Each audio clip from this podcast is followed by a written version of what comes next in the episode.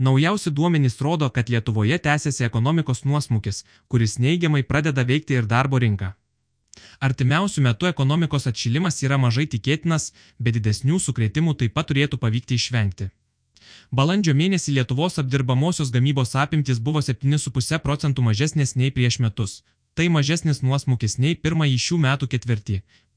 Bet vis dar rodo gerokai aptirpusią paklausą lietuviškoms prekiams. Tiesa, atskirose pramonės šakose matome labai nevienodas tendencijas.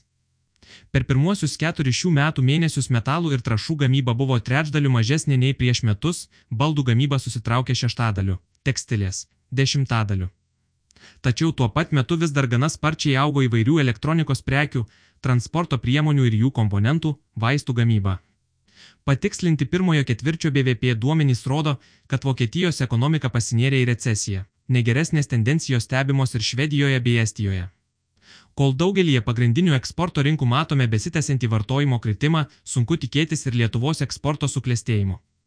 Panašu, kad kai kurios pramonės ir prekybos įmonės, matydamos atslūkstančią paklausą, ima atsisakyti dalies darbuotojų. Nedarbo lygis praėjusiu metu vasarą nukritęs beveik iki 5 procentų, šiuo metu jau pakilo virš 7 procentų. Sodros duomenimis, pirmąjį šių metų ketvirtį nedarbo išmokų gavėjų skaičius išaugo 11 tūkstančių žmonių. Tačiau kol kas daugelis Lietuvos gyventojų jaučiai labai gerai, vartotojų pasitikėjimo rodiklis pastarąjį pusmetį nuolat gerėjo ir šiuo metu viršyje ilgalaikį istorinį vidurkį. Beveik rekordinėse aukštumose išlieka gyventojų asmeninės finansinės padėties vertinimas ir planai leisti pinigus stambiems pirkiniams. Gyventojų nuotaikoms teigiamos įtakos turėjo sparčiai mažėjusi infliacija, netrukus sugrįžinti į vieną ženklę teritoriją ir, ypač, toliau sparčiai augantis atlyginimai. Vidutinis darbo užmokestis pirmąjį šių metų ketvirtį buvo net 13,3 procentai didesnis nei prieš metus.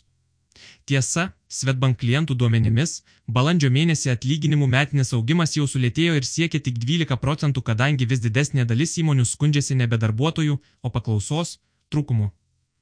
Atlyginimų augimas turėtų ir toliau lėtėti.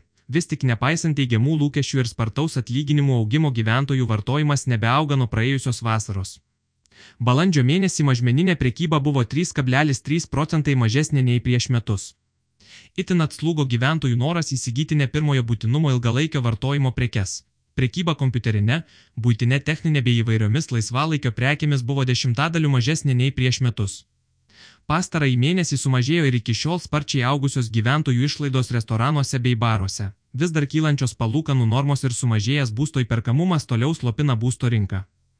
Sandorių skaičius nukrito į maždaug 2019 metų lygį, tačiau priešingai nei daugelie kitų Šiaurės ir Baltijos šalių, kainos šiemet kol kas išliko beveik nepasikeitę, o Kaune net išaugo.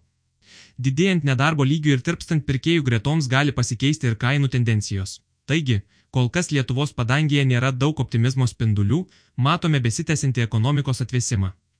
Kol kas galima pasidžiaugti, kad tai yra tik ekonomikos atvėsimas, o ne audra.